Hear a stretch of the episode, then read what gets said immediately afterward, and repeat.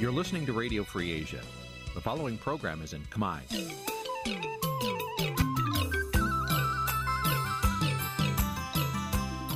នេះជាកម្មវិធីផ្សាយ Vuthu Azizi Serai នេះជាកម្មវិធីផ្សាយរបស់ Vuthu Azizi Serai ជាភាសាខ្មែរ Vuthu Azizi Serai សូមស្វាគមន៍លោកអ្នកនាងទាំងអស់ពីរដ្ឋធានី Washington នៃសហរដ្ឋអាមេរិក បាទពីរដ្ឋធានី Washington សហរដ្ឋអាមេរិកខ្ញុំបាទមេរិតសូមជម្រាបសួរលោកអ្នកនាងកញ្ញាប្រិមមអ្នកស្ដាប់ Visual C សេរីទាំងអស់ជាទីមេត្រីយើងខ្ញុំសូមជូនកម្មវិធីផ្សាយសម្រាប់ព្រឹកថ្ងៃច័ន្ទ13រោចខែជេឆ្នាំខាលចត្វាស័កពុទ្ធសករាជ2566ដែលត្រូវនឹងថ្ងៃទី27ខែមិថុនាគ្រិស្តសករាជ2022បាទជាដំបូងនេះសូមអញ្ជើញលោកអ្នកនាងស្ដាប់ព័ត៌មានប្រចាំថ្ងៃដែលមានមេត្តាដូចតទៅ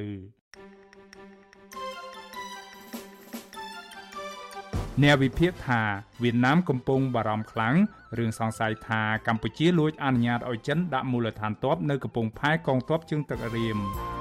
អ្នកជំនាញកិច្ចការបោះឆ្នោតថាគណៈបញ្ញយោបាយគួររួមគ្នាដាក់សំណើទៅកោជប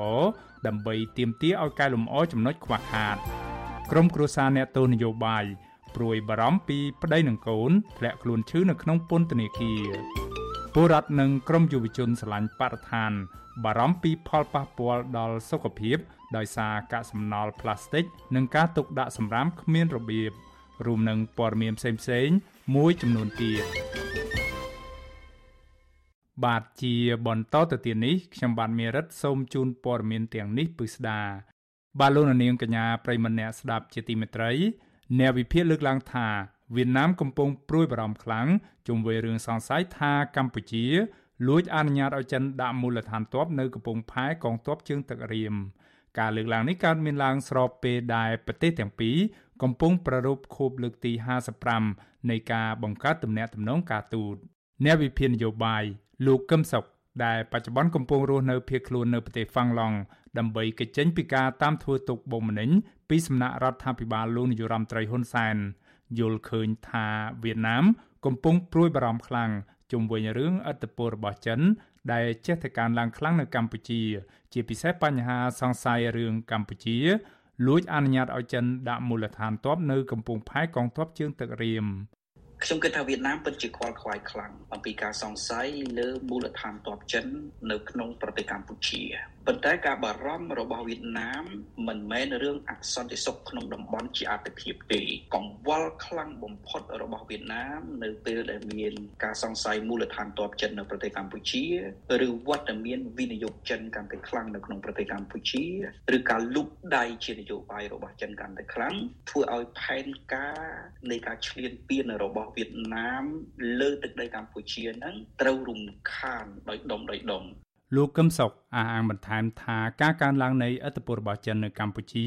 ក៏អាចរំខានដល់ការវាយទីរបស់វៀតណាមនៅលើដែនសមុទ្រកម្ពុជានិងការវិនិយោគរបស់វៀតណាមនៅកម្ពុជាដែរទំនាក់ទំនងរវាងចិនហើយនិងក្រមលោកហ៊ុនសែនវាពិតជាគ្រោះថ្នាក់មួយហើយគ្រោះថ្នាក់ដល់អសន្តិសុខក្នុងប្រទេសកម្ពុជានិងតំបន់ជាដើមក៏ប៉ុន្តែទំនាក់ទំនងវៀតណាមហើយនិងក្រមលោកហ៊ុនសែនក៏រឹតតែគ្រោះថ្នាក់ទៀត បញ្ហាកម្ពុជា មិនមែនត្រូវដោះស្រាយដោយយើងផ្ដោតទៅលើ ការដកទំនាក់ទំនងពីចិនឬការផ្ដោតទៅលើការដែលក្រមលោកហ៊ុនសែនត្រូវធ្វើបែបណាមួយជាមួយចិនឬកម្រិតបែបណាមួយជាមួយចិននោះទេបញ្ហានៅប្រទេសកម្ពុជាត្រូវចាប់ផ្ដើមចេញពីការស្ដារប្រជាធិបតេយ្យបើមិនដូច្នោះទេបើទោះបីជានៅជាមួយវៀតណាមក៏យ៉ាប់នៅជាមួយចិនងប់ពេកក៏យ៉ាប់ដូចគ្នា ការលើកឡើងរបស់អ្នកវិភាគអំពីកង្វល់របស់វៀតណាមបែបនេះកើតមានឡើងស្របពេលដែលកម្ពុជានិងវៀតណាមកំពុងប្រារព្ធខួបលើកទី55នៃការបង្កើតទំនាក់ទំនងការទូតរវាងប្រទេសទាំងពីរសារព័ត៌មានអនឡាញរបស់វៀតណាមបានរាយការណ៍កាលពីថ្ងៃទី24ខែមិថុនាឲ្យដឹងថាថ្លែងក្នុងពិធីមេត្តាញអបអរសាទរខួបអនុស្សាវរីយ៍លើកទី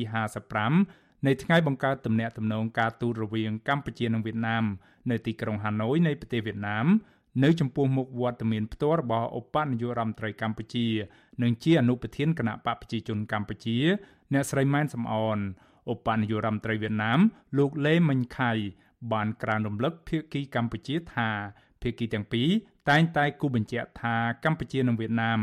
និងមិនអនុញ្ញាតឲ្យមានកម្លាំងអាមិតណាមួយប្រើប្រាស់ទឹកដីរបស់ខ្លួន បង្កគ្រោះថ្នាក់ដល់សន្តិសុខរបស់ប្រទេសមួយទៀតបានឡើយឧបនាយករដ្ឋមន្ត្រីវៀតណាមរូបនេះមិនបាននិយាយឲ្យចំឈ្មោះថាតើកម្លាំងអាមិននោះជាប្រទេសណាមួយឲ្យជាក់លាក់នោះទេក៏ប៉ុន្តែគេអាចយល់បានថាការលើកឡើងនេះទំនងជាភាគីវៀតណាមចង់សម្ដៅទៅដល់ប្រទេសចិនដែលកំពុងរងនឹងការសង្ស័យខ្លាំង ពីសំណាក់សហរដ្ឋអាមេរិកនិងសម្ព័ន្ធមិត្តរបស់អាមេរិកគឺប្រទេសអូស្ត្រាលី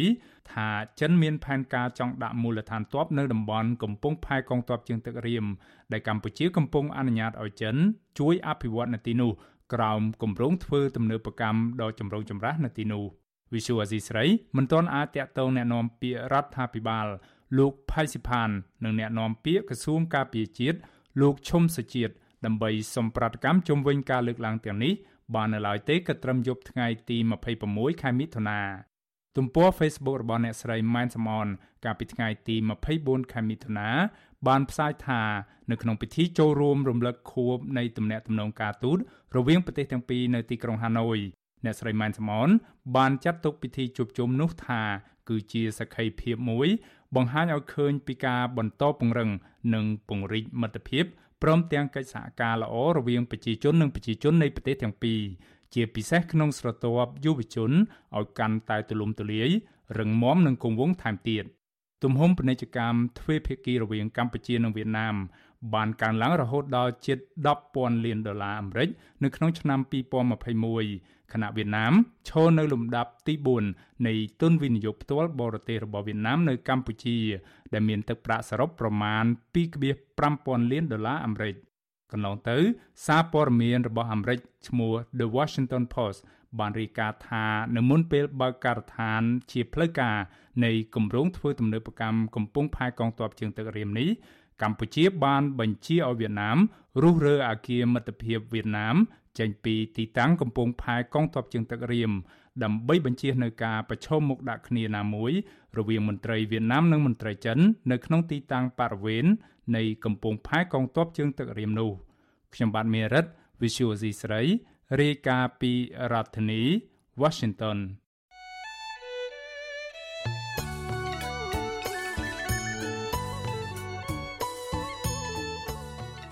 បាទលោកនាងកញ្ញាប្រិមម្នាក់ស្ដាប់ជាទីមេត្រី នៅក្នុងឱកាសនេះដែរ ខ្ញុំបាទសូមថ្លែងអំណរគុណដល់លោកនាងកញ្ញាទាំងអស់ដែលតែងតែមានភក្ដីភាពចំពោះការផ្សាយរបស់យើងខ្ញុំហើយចាត់ទុកការស្ដាប់ Visual Asia សេរីគឺជាផ្នែកមួយនៃសកម្មភាពប្រចាំថ្ងៃរបស់លោកនាង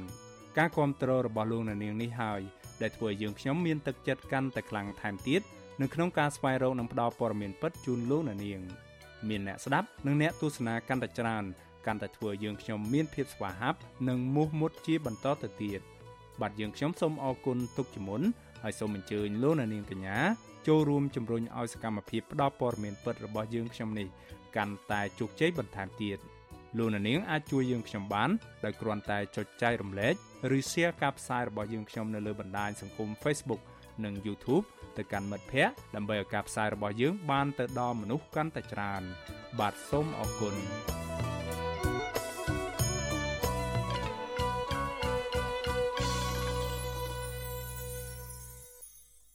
បាទលោកនាងកញ្ញាប្រិមម្នាក់ស្ដាប់ជាទីមេត្រីតាក់ទងទៅនឹងការប្រកាសលទ្ធផលបោះឆ្នោតឃុំសង្កាត់ជាផ្លូវការវិញម្ដងបាទគណៈកម្មាធិការជាតិរៀបចំការបោះឆ្នោតហៅកាត់ថាកោចបកាលពីថ្ងៃទី26ខែមិថុនាឆ្នាំមិញបានប្រកាសជាផ្លូវការនៅលទ្ធផលនៃការបោះឆ្នោតជ្រើសរើសក្រុមប្រឹក្សាឃុំសង្កាត់អាណត្តិទី5កាលពីថ្ងៃទី5ខែមិថុនាឆ្នាំ2022 លទ្ធផលផ្លូវការនេះបង្ហាញថាគណៈបកប្រជាជនកម្ពុជាឈ្នះគណៈបកដទៃទៀតបាទលោកថាថៃរាយការណ៍ព័ត៌មាននេះលទ្ធផលផ្លូវការពីការបោះឆ្នោតជ្រើសរើសក្រុមប្រឹក្សាឃុំសង្កាត់អាណត្តិទី5ដែលកោជបប្រកាសនៅថ្ងៃទី26មិថុនាបង្ហាញថាគណៈបកប្រជាជនកម្ពុជាឈ្នះនាំមុខគណៈបកផ្សេងផ្សេងដែលទទួលបានតំណែងមេឃុំចៅសង្កាត់ចំនួន1648នាក់គណៈបកភ្លឹងទៀនទទួលបានតំណែងមេឃុំចំនួន4នាក់នៅខេត្តកំពង់ធំនិងខេត្តកំពង់ចាម ក្រៅពីមេឃុំគណៈបកប្រជាជនកម្ពុជាទទួលបានតំណែងជំទប់ទី1ចំនួន1618នាក់ជំទប់ទី2ចំនួន261នាក់រីឯគណៈបកភ្លើងទៀនវិញគណៈបកនេះទទួលបានតំណែងជំទប់ទី1ចំនួន25នាក់និងជំទប់ទី2ចំនួន1360នាក់តួលេខនេះគឺគណៈបកភ្លឹងទៀនដណ្ដើមបានជិត2200អាសនៈក្រុមប្រឹក្សាឃុំសង្កាត់បន្ទាប់ពីគណៈបកទាំងពីរគណៈបកហ្វុនស៊ីមពេចទទួលបានតំណែងជំទប់ទី1ចំនួន4នាក់ជំទប់ទី2ចំនួន12នាក់ គណៈបកផ្នែករូបរួមជាតិទទួលបានតំណែងជំទប់ទី1ចំនួន1នាក់និងជំទប់ទី2ចំនួន10នាក់គណៈបកប្រជាធិបតេយ្យមូលដ្ឋាននិងគណៈបកខ្មែរស្រឡាញ់ជាតិទទួលបានតំណែងជំទប់ទី1ចំនួន2នាក់ជំទប់ទី2ចំនួន2នាក់ដូចគ្នាគណៈបកយុវជនកម្ពុជាទទួលបានតំណែងជំទប់ទី2ចំនួន3នាក់ទន្ទឹមគ្នានេះគណៈបកកម្ពុជានិយមនិងគណៈបកសម្បុកឃុំសង្គមប្រជាធិបតេយ្យទទួលបានតំណែងជំទប់ទី2ចំនួន1នាក់ដូចគ្នាស្របពេលកោជបប្រកាសលទ្ធផលផ្លូវការនេះ អ្នកនាំពាក្យគណៈបកប្រជាជនកម្ពុជាលោកសុកអេសានថ្លែងថាគណៈបករបស់លោកត្រេកអរទទួលយកលទ្ធផលនេះហើយចាត់ទុកថាបានកើតចេញពីការបោះឆ្នោតដោយសេរីត្រឹមត្រូវពិតប្រាកដអញ្ចឹងយើងយល់ថាការបោះឆ្នោតហ្នឹងប្រព្រឹត្តទៅដោយរលូនដោយសន្តិវិធីហើយមានរបៀបរៀបរយក្នុងបរិយាកាសមួយដែលប្រជាពលរដ្ឋទទួលបានទាំងអស់គ្នាបាទចំពោះអ្នកដែលគេយល់ឃើញថាមានបញ្ហាមិនប្រក្រតីមួយចំនួននោះអានឹងជាការយល់ឃើញរបស់គេ ដោយឡែកនៅថ្ងៃប្រកាសលទ្ធផលបោះឆ្នោតនេះគណៈបកភ្លឹងទៀនបានធ្វើពិធីសំណេះសំណាលជាមួយបេក្ខជនដែលទើបជាប់ឆ្នោតនិងសកម្មជនរបស់គណៈបករាប់រយនាក់នៅខេត្តកំពង់ធំអនុប្រធានគណៈបកភ្លឹងទៀនលោកថាច់សេដ្ឋាលើកឡើងថាប្រសិនបើការបោះឆ្នោតមានបរិយាកាសនយោបាយល្អគណៈបកភ្លឹងទៀនប្រកាសជាទទួលបានតំណែងមេឃុំចៅសង្កាត់ច្រើនជាងនេះ លោកស្នើសុំឲ្យអាជ្ញាធរពាក់ព័ន្ធបញ្ឈប់ការធ្វើទុកបុកម្នេញហើយទម្លាក់ចោលការចាត់ប្រកាន់ដែលគ្មានមូលដ្ឋាននិងប្រគល់សេរីភាពជូនមេឃុំជាប់ឆ្នោតរបស់គណៈបកភ្លើងទៀនដើម្បីឲ្យពួកគាត់អាចបំពេញតួនាទីបម្រើប្រជាពលរដ្ឋម្ចាស់ឆ្នោតលទ្ធផលរបស់ឆ្នោតនេះយើងទទួលយកទៅតាមឆន្ទៈរបស់ប្រជាពលរដ្ឋបន្តឲ្យយើងប៉ុន្តែរងភាពមិនប្រក្រតីភាពអសកម្មទាំងឡាយដែលកើតមាននៅពីបោះឆ្នោតក៏យើងត្រូវតែតបបាន ហើយជាពិសេសសូមឲ្យគោលយោបល់នេះទទួលយករងចំណុចខ្វះខាតទាំងអស់នោះ រកភាពការពុតទាំងអស់នោះភាពពុតប្រកបទាំងអស់នោះដើម្បីយកមកពិចារណាគិតរូបគ្នាហើយកែលម្អគោលយោបល់ដើម្បីឲ្យគូប្រគល់នេះដល់អនាគតមានការទុកចិត្តជាបានហើយជាពិសេសដែលសហគមន៍ជាតិអន្តរជាតិគេទទួលយកបានទាំងអស់នេះហើយបើយើងបានសុំគោរពសុំគោរពតទៅទៀតអានឹងការប្រយ័ត្នមែនទេហើយហើយជាពិសេសសូមឲ្យគោរពឆន្ទៈជាប្រវត្តិ កាលពីថ្ងៃទី6ខែមិថុនាគណៈបកភ្លើងទៀនបានចេញសេចក្តីថ្លែងការណ៍សោកស្ដាយចំពោះលទ្ធផលនៃការបោះឆ្នោតឃុំសង្កាត់នេះដោយថាมันមានភាពសេរីនិងយុត្តិធម៌ហើយមិនឆ្លុះបញ្ចាំងពីឆន្ទៈរបស់ប្រជាពលរដ្ឋព្រោះมันមានបរិយាកាសស្មើភាពពលរដ្ឋមិនមានសិទ្ធិសេរីភាពក្នុងការចូលរួមកិច្ចការនយោបាយនិងការបញ្ចេញមតិគណៈស្ថាប័នបោះឆ្នោតមិនទាន់ឯករាជ្យ ក្រុមអង្គការសង្គមស៊ីវិលឯករាជ្យនិងគណៈបកនយោបាយមួយចំនួនទៀតដែលចូលរួមប្រគល់ប្រជែងក៏រិះគន់ថាដំណើរការរៀបចំការបោះឆ្នោតឃុំសង្កាត់លើកនេះមានស្ថានភាពអាក្រក់ជាងការបោះឆ្នោតអាណត្តិមុនមុនប្រធានគណៈកម្មាធិការព្យាក្រឹតនិងយុតិធធដើម្បីការបោះឆ្នោតដោយសេរីនិងត្រឹមត្រូវនៅកម្ពុជាហៅកាត់ថា NICFIC លោកសំគុណធាមីមានប្រសាសន៍ថាគណៈបកនយោបាយដែលទទួលយកលទ្ធផលបោះឆ្នោតប៉ុន្តែរិះគន់អំពីភាពមិនប្រក្រតីនៃការរៀបចំការបោះឆ្នោតគូតែរួមគ្នាដាក់សំណើទៅគោជបដើម្បីឲ្យមានការកែលម្អចំណុចខ្វះខាតឡើងវិញ។ យើងនឹងដាក់សំណើទៅធ្វើជាបនដើម្បីចំធ្វើវិសោធនកម្មណាបទជានីតិវិធីច្បាប់បោះឆ្នោតទៅបាទដើម្បីឲ្យការបោះឆ្នោតលើកក្រោយទៅវាប្រសើរឡើងវិញកុំឲ្យវាមានបញ្ហាលើកនេះណាបាទហើយចំណុចមួយទៀតគឺលទ្ធផលបោះឆ្នោតនេះណាយើងមានឃើញគណៈបកច្រើនដែរ8 9ដែលមានអាសនៈក្នុងក្រុមប្រឹក្សាណាក្នុងគុំប្រកាសទៅបាទយើងឃើញមានភាពជឿនលឿនច្រើនដោយសារយើងចង់ឃើញមានគណៈបកចម្រុះមានអាសនៈនៅតាមបណ្ដាឃុំសង្កាត់ជាជាងមានតែគណៈបកមួយដូច្នេះយើង check and balance មានអីអីការលើកឡើងមានមតិជំទាស់ខ្លះបើសិនជាការងារខ្លះធ្វើទៅវាប៉ះពាល់ផលប្រយោជន៍ប្រជាពលរដ្ឋអីអីក្នុងចំណោមអាសនៈក្រុមប្រឹក្សាគុំសង្កាត់ចំនួន11662ទូទាំងប្រទេសក្នុងអាណត្តិទី5មានស្ត្រីនិងយុវជនជាង2000នាក់នឹងចូលកាន់តំណែងទាំងនេះ។ គណៈបកប្រជាជនកម្ពុជានិងគណៈបកភ្លឹងទៀនអះអាងដូចដូចគ្នាថាលទ្ធផលនៃការបោះឆ្នោតឃុំសង្កាត់លើកនេះគឺជាមូលដ្ឋានរឹងមាំឈានទៅរកជ័យជំនះក្នុងការបោះឆ្នោតជ្រើសតាំងតំណាងរាស្ត្រអាណត្តិទី7នៅឆ្នាំ2023ខាងមុខខ្ញុំថាថៃពីទីក្រុងមែលប៊នបាទលោកនាងកញ្ញាប្រិមម្នាក់ស្ដាប់ជាទីមេត្រីជុំវិញការប្រកាសរបស់គណៈកម្មាធិការជាតិរៀបចំការបោះឆ្នោត អំពីលទ្ធផលផ្លូវការនៃការបោះឆ្នោតជ្រើសរើសក្រុមប្រឹក្សាឃុំសង្កាត់អាណត្តិទី5នេះដែរបាទអ្នកសិក្សាការអភិវឌ្ឍសង្គមនិងជាអ្នកវិភាគនយោបាយមើលឃើញថាចំនួនមេឃុំនិងក្រុមប្រឹក្សាឃុំសង្កាត់របស់គណៈបកភ្លើងទៀនគឺជាទឹកតាំងបង្ហាញពីកម្លាំងរបស់គណៈបកនេះសម្រាប់ការបោះឆ្នោតជាតិនៅឆ្នាំ2023ខាងមុខនេះ ក៏ប៉ុន្តែទោះជាយ៉ាងណាគណៈបកភ្លើងទៀននឹងទទួលរងនៅភ្ជុះភ្លៀងពីការធ្វើទុកបុកម្នេញកាន់តែខ្លាំងក្លាបន្ថែមទៀតពីគណៈបកកណ្ដាលអំណាចបាទតើគណៈបកភ្លើងទៀនអាចឈរជើងពង្រឹងកម្លាំងនៅមូលដ្ឋានបានយ៉ាងណានៅមុនការបោះឆ្នោតជាតិឆ្នាំ2023ខាងមុខនេះបាទសូមអញ្ជើញលោកអ្នកនាងរងចាំស្ដាប់បទសម្ភាសរវាងអ្នកស្រីសុជីវីជាមួយបណ្ឌិតមានីជុំវិញបញ្ហានេះនាពេលបន្តិចទៀតនេះ បាទលោកអ្នកនាងកញ្ញាប្រិមម្នាក់ស្ដាប់ជាទីមេត្រីលោកអ្នកនាងកំពុងស្ដាប់កម្មវិធីផ្សាយរបស់ Visual C ស្រីផ្សាយចេញពីរដ្ឋធានី Washington សហរដ្ឋអាមេរិកបាទយើងងាកមកស្ដាប់ព័ត៌មានទាក់ទងទៅនឹងបញ្ហាសុខភាពរបស់អ្នកទោសនយោបាយនៅក្នុងពន្ធនាគារវិញម្ដងបាទគ្រួសាររបស់អតីតសកម្មជនគណបកសង្គ្រោះជាតិដែលបច្ចុប្បន្នកំពុងជាប់ឃុំនៅពន្ធនាគារព្រៃសរព្រួយបារម្ភចំពោះសុខភាពឪពុកនិងប្តីដែលមានសភាពទ្រុឌទ្រោមខ្លាំងនៅក្នុងមន្ទីរឃុំឃាំង ក្តីព្រួយបារម្ភនេះគឺបន្ទាប់ពីពួកគេបានទៅជួបសួរសុខទុក្ខប្តីនិងឪពុកដែលមានសភាពស្គមស្គាំងស្លេកស្លាំងខុសពីប្រក្រតីដោយសារតែពួកគាត់ដេញមិនសូវលក់បណ្ដាលមកពីមានសារ៉ែនរោរំខាននៅក្នុងពន្ធនាគារមន្ត្រីសង្គមស៊ីវិលយល់ឃើញថាមន្ត្រីពន្ធនាគារគួរតែបញ្ញាបញ្ញាលដោះស្រាយបញ្ហានេះជាបន្ទាន់គ្រួសារជនជាប់ឃុំនយោបាយទៅនោះលើកឡើងថាសុខភាពប្តីនៅឪពុករបស់ពួកគេអាចនឹងមានសភាពធ្ងន់ធ្ងរ បើសិនបើអាជ្ញាធរមិនឆាប់ដោះស្រាយសម្លេងសារ៉ែនរ៉ូដែលរំខាននៅក្នុងពន្ធនាគារនោះប្រពន្ធលោកយឹមសារ៉េតគឺលោកស្រីអូកចន្ទធីនិងកូនស្រីរបស់លោកហេងច័ន្ទសុធី គឺកញ្ញាហេងបូរីព្រួយបារម្ភពីសុខភាពគ្រួសារព្រោះពួកគាត់មានវ័យកាន់តែចាស់និងមានជំងឺប្រចាំកាយច្រើនប្រពន្ធសកម្មជនបពប្រឆាំងលោកស្រីអុកចន្ទធី ប្រាប់វិសុយស៊ីស្រីនៅថ្ងៃទី26ខែមិថុនាថាលោកស្រីបានជួបសួរសុខទុក្ខប្តីកាលពីដើមសប្តាហ៍នេះលោកស្រីថាប្តីលោកស្រីចាប់ផ្ដើមស្ពឹកដៃជើងឈឺក្បាលដោយសារតែមួយរយៈនេះដេកមិនសូវលក់ព្រោះខាងអាជ្ញាធរពន្ធនាគារបានដំឡើងឧបករណ៍មួយយ៉ាង ដែលមានសម្លេងរោរំខាននៅក្នុងពន្ធនាគារលោកស្រីអុកចន្ទធីអះអាងថាពួកលោកស្រីនឹងនៅតែបន្តតស៊ូមតិ ដើម្បីទាមទារឲ្យតុលាការដោះលែងប្តីលោកស្រី និងអ្នកជាប់ឃុំនយោបាយផ្សេងទៀតឲ្យមានសេរីភាពឡើងវិញដោយឥតលក្ខខណ្ឌពីមុនគាត់អត់ដែរស្ពឹកដៃស្ពឹកជើងទេតែក្រោយមកនឹងគាត់ចាប់ផ្ដើមស្ពឹកដៃស្ពឹកជើងមិនថាតាស្វាមីរបស់ខ្ញុំទេគឺពួកទាំង ទាំងអស់គ្នាអ្នកជាប់ឃុំមកមកហើយម្យ៉ាងដោយសារពួកគាត់សិតតែចាស់ចាស់ហើយគាត់មានជំងឺជាប់ខ្លួនអញ្ចឹងម្នាក់ម្នាក់សិតតែលើសឈាមលើសអីសពគ្រប់អញ្ចឹងដល់ពេលឮសំឡេងនឹងរំខានទៅបណ្ដាលឲ្យសុខភាពគាត់កាន់តែទ្រុឌទ្រោមខ្លាំងលោកស្រីបន្ថែមថាកត្តាជីវភាពសពថ្ងៃរបស់លោកស្រី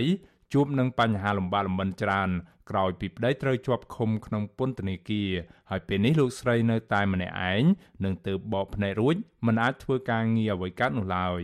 លោកស្រីរំពឹងថាប្តីលោកស្រីនឹងទទួលបានយុត្តិធម៌ឆាប់ៗនេះដើម្បីឲ្យគ្រួសារលោកស្រីបានជួបជុំគ្នាចំណែកឯកូនស្រីរបស់សកម្មជនបពប្រឆាំងលោកហេងច័ន្ទសុធីវិញគឺកញ្ញាហេងបូរី កញ្ញាថ្លែងថាសុខភាពឪពុករបស់កញ្ញាមានសភាពស្លេកស្លាំងមានកម្លាំងកាន់តែចុះខ្សោយ និងបន្តប្រើប្រាស់ថ្នាំដើម្បីព្យាបាលជំងឺប្រចាំកាយកញ្ញាហេងបរិយអះអាងថាឪពុករបស់កញ្ញាបានប្រាប់កញ្ញាថាលោកដេញមិនសូវលក់ទេដោយសារតែមានសរ៉ែនរោនៅក្នុងពន្ធនាគារហើយមន្ត្រីពន្ធនាគារតែងតែចោះឆែកឆេររំខាននៅក្នុងបន្ទប់ឃុំឃាំងរបស់លោកស្ទើរតែរៀងរាល់ថ្ងៃ ឃើញថាសុខភាពគាត់មានការចុះការអោយចឹងផងដែរហើយក៏បានលើកគាត់និយាយផងដែរថាឲ្យអាសាមានការបុកបន្ទប់ក៏ដូចជាភាសាសាមញ្ញគេថាឆែកឆេរចឹងបងខាងខាងលើគេមកឆែកឆេរក្នុងបន្ទប់របស់គាត់ក៏ដូចជាជូរឬក៏រើអីវ៉ែអីវ៉ាន់ក្អៅគាត់អីទៅជួអាលាស់ពេញណាពេញណីចឹងបងហើយរឿងមួយទៀតគឺបញ្ហាគាត់និយាយថាមានការដាក់ដូចជាជាតិវិទ្យុសកម្មនៅក្នុងបន្ទប់របស់គាត់ដែលវាជាសម្លេងរំខានដែលធ្វើឲ្យដូចថាប៉ះពាល់សេចអារម្មណ៍របស់គាត់ការគិតរបស់គាត់ក៏ដូចជាជាពិសេសរំខានទៅដល់ការសម្រានរបស់គាត់ផងដែរបងដែលថាវាធ្វើឲ្យប៉ះពាល់ខ្លាំងទៅដល់សុខភាពគាត់តែម្ដងបងកញ្ញាហេងបរិយអំពាវនាវទៅដល់ស្ថាប័នតុលាការនិងរដ្ឋាភិបាលឲ្យដោះលែងជនជាប់ឃុំម្នាក់សិកាទាំងអស់ដោយឥតលក្ខខណ្ឌព្រោះពួកគាត់គ្មានទោសកំហុសហើយសុទ្ធសឹងតែជាអ្នកស្អាតសមកញ្ញាហេងបរិយបន្ថែមថាកញ្ញាសូមស្នើឲ្យមន្ត្រីតុលាការ ធ្វើឲ្យបានត្រឹមត្រូវដោយអ្វីដែលខ្លួនបានសច្ចាប្រណិធានមុននឹងចូលកាន់តំណែងដែលឈលលើគោលការណ៍ត្រឹមត្រូវនិងយុត្តិធម៌ដើម្បីពលរដ្ឋគ្រប់រូប វិសុវស៊ីស្រីមិនអាចតកតងแนะនាំពីអគ្គនាយកដ្ឋានពន្ធនាគារលោកនុតសាវណ្ណាដើម្បីបញ្ជាក់ជុំវិញរឿងនេះបានទេដោយទូរស័ព្ទហៅចូលតែមិនមានអ្នកទទួលជុំវិញរឿងនេះនាយកទទួលបន្ទុកកិច្ចការទូតនៃអង្គការលីកាដូលោកអំសមាត លោកយល់ឃើញថាប៉ះសិនបើមន្ត្រីពន្ធនាគារបំពាក់ឧបករណ៍ឬប្រព័ន្ធបច្ចេកវិទ្យានៅក្នុងពន្ធនាគារនោះពួកគេត្រូវសិក្សានិងបញ្ជាក់ឲ្យបានច្បាស់លាស់ដើម្បីជៀសវាងកុំឲ្យប៉ះពាល់ទៅដល់សុខភាពអ្នកជាប់ឃុំលោកអំសមាតថាអង្គការរបស់លោកនឹងបន្តតាមដានពីផលប៉ះពាល់តាក់ទងទៅនឹងការបំពាក់ឧបករណ៍ដែលមានសម្លេងរោរំខានថាតើអាចប៉ះពាល់ដល់សុខភាព និងសិទ្ធិរបស់អ្នកជាប់ឃុំឬទេ លោកបន្តថាខាងពន្ធនាគារគួររិះរកវិធីសាស្ត្រផ្សេងៗទៀតក្នុងការកាត់បន្ថយផលប៉ះពាល់ដល់សុខភាពអ្នកជាប់ឃុំ។ យើងដឹងថាពន្ធនាគារគឺឥឡូវនេះគឺមានភាពចង្អៀតណែនខ្លាំងអញ្ចឹងបើសិនជាមានការបំពាក់ប្រព័ន្ធបច្ចេកវិទ្យាដើម្បីធ្វើការគ្រប់គ្រងហើយមានសម្លេងធ្វើការរំខានទៅដល់អ្នកដែលជាប់ឃុំដែលធ្វើឲ្យគាត់គេងមិនលក់ឬក៏អាចរំខាននៅការគេងឬការសម្រាករបស់ពួកគាត់នៅក្នុងបន្ទប់ហ្នឹងអាហ្នឹងវាប៉ះពាល់សម្រាប់សុខភាពបន្ថែមទៅទៀតណាបាទហ្នឹងគឺទាមទារឲ្យមានការសិក្សានិងការស្រាវជ្រាវហើយការបញ្ជាក់ឲ្យច្បាស់លាស់ដែរបច្ចុប្បន្នមានសកម្មជនគណបកប្រឆាំងនឹងអ្នកបញ្ចេញមតិរិះគន់រដ្ឋាភិបាលប្រមាណ60នាក់កំពុងជាប់ឃុំនៅពន្ធនាគារក្រុមអង្គការជាតិអន្តរជាតិជាច្រើនស្ថាប័នរួមទាំងទីភ្នាក់ងារអង្គការសហប្រជាជាតិនិងក្រុមប្រទេសនិយមប្រជាធិបតេយ្យធំធំមួយចំនួនផង បានថ្កោលទោសជាបន្តបន្ទាប់ចំពោះរដ្ឋាភិបាលលោកនាយរដ្ឋមន្ត្រីហ៊ុនសែនដែលចាត់ទុកថាការចាប់ខ្លួនសកម្មជនទាំងនេះគឺជារឿងនយោបាយ គ្មានមូលដ្ឋានច្បាប់ច្បាស់លាស់និងបន្តទាមទារឲ្យដោះលែងសមាជិកគណៈបពប្រឆាំងនិងអ្នកជាប់ឃុំដោយសារតែមូលហេតុនយោបាយដើម្បីឲ្យពួកគេមានសេរីភាពឡើងវិញដោយឥតលក្ខខណ្ឌ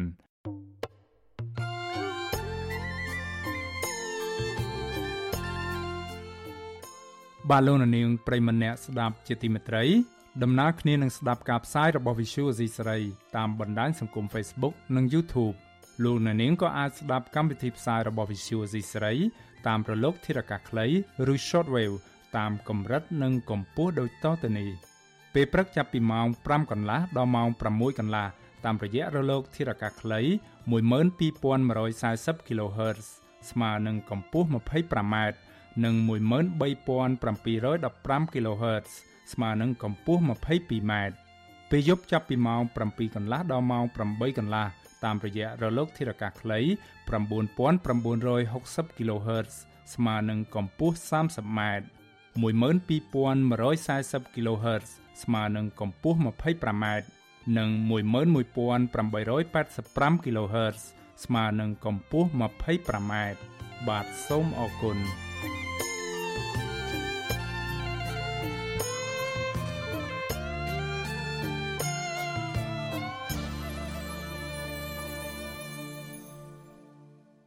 បាទលោកនាងកញ្ញាប្រិមម្នាក់ស្ដាប់ជាទីមេត្រីព័ត៌មានតកតងទៅនឹងការបង្ក្រាបគ្រឿងញៀនវិញម្ដងបាទរដ្ឋមន្ត្រីក្រសួងមហាផ្ទៃអះអាងថាបរិមាណគ្រឿងញៀនដែលរឹបអូសបានពីការបង្ក្រាបបទល្មើស